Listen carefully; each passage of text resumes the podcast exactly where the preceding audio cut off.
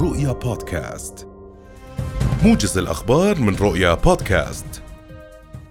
صرح مصدر عسكري مسؤول في القيادة العامة للقوات المسلحة الأردنية الجيش العربي أنه في تمام الساعة التاسعة من صباح اليوم تعرضت إحدى طائرات التدريب التابعة لسلاح الجو الملكي الأردني من نوع جروب إلى السقوط في أرض خالية في أثناء جولة تدريبية في منطقة الرمثة بمحافظة إربد.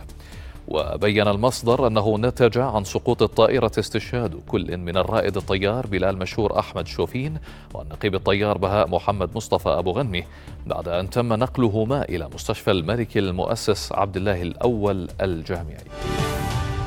تجتمع لجنة الطاقة في مجلس النواب غدا لمناقشة ارتفاع تعريفة المشتقات النفطية محليا وفق رئيس اللجنة فراس العجارمي وأضاف العجارمي أن النقاش يشمل الضريبة الثابتة على المحروقات في ظل استمرار الارتفاع العالمي للأسعار. وأشار العجارمي إلى اقتراح سابق للجنة يطالب الحكومة بتشجيع اقتناء المركبات الكهربائية في الأردن والإعفاء من الضريبة لتشجيع المواطنين على شرائها.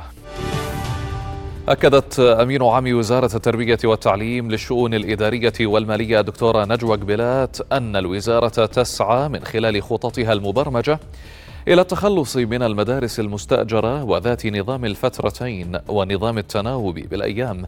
وحل مشكلة الاكتظاظ لتوفير بيئة مدرسية ملائمة للطلبة.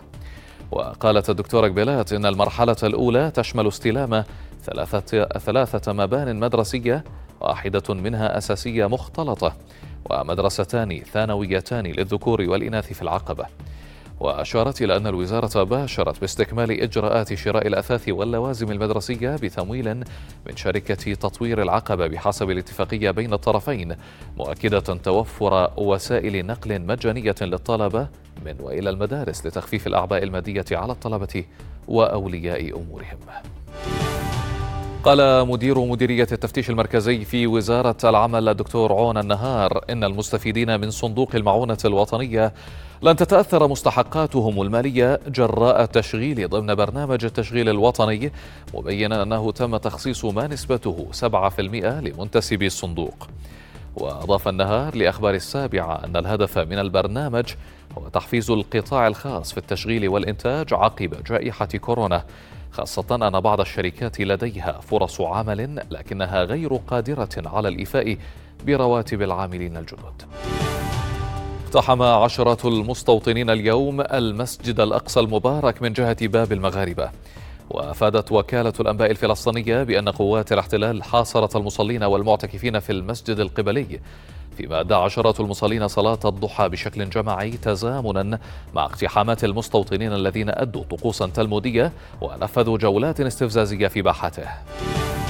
قال رئيس بلدية كييف فيتالي كليتشكو إن انفجارات عدة هزت العاصمة الأوكرانية في ساعة مبكرة من صباح هذا اليوم. وذكر شاهد عيان أن الدخان تصاعد في سماء المدينة بعد الانفجارات. وكانت صافرة الإنذار قد دوت في وقت سابق في معظم أنحاء أوكرانيا.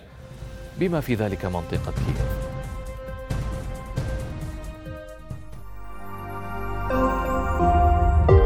رؤيا بودكاست.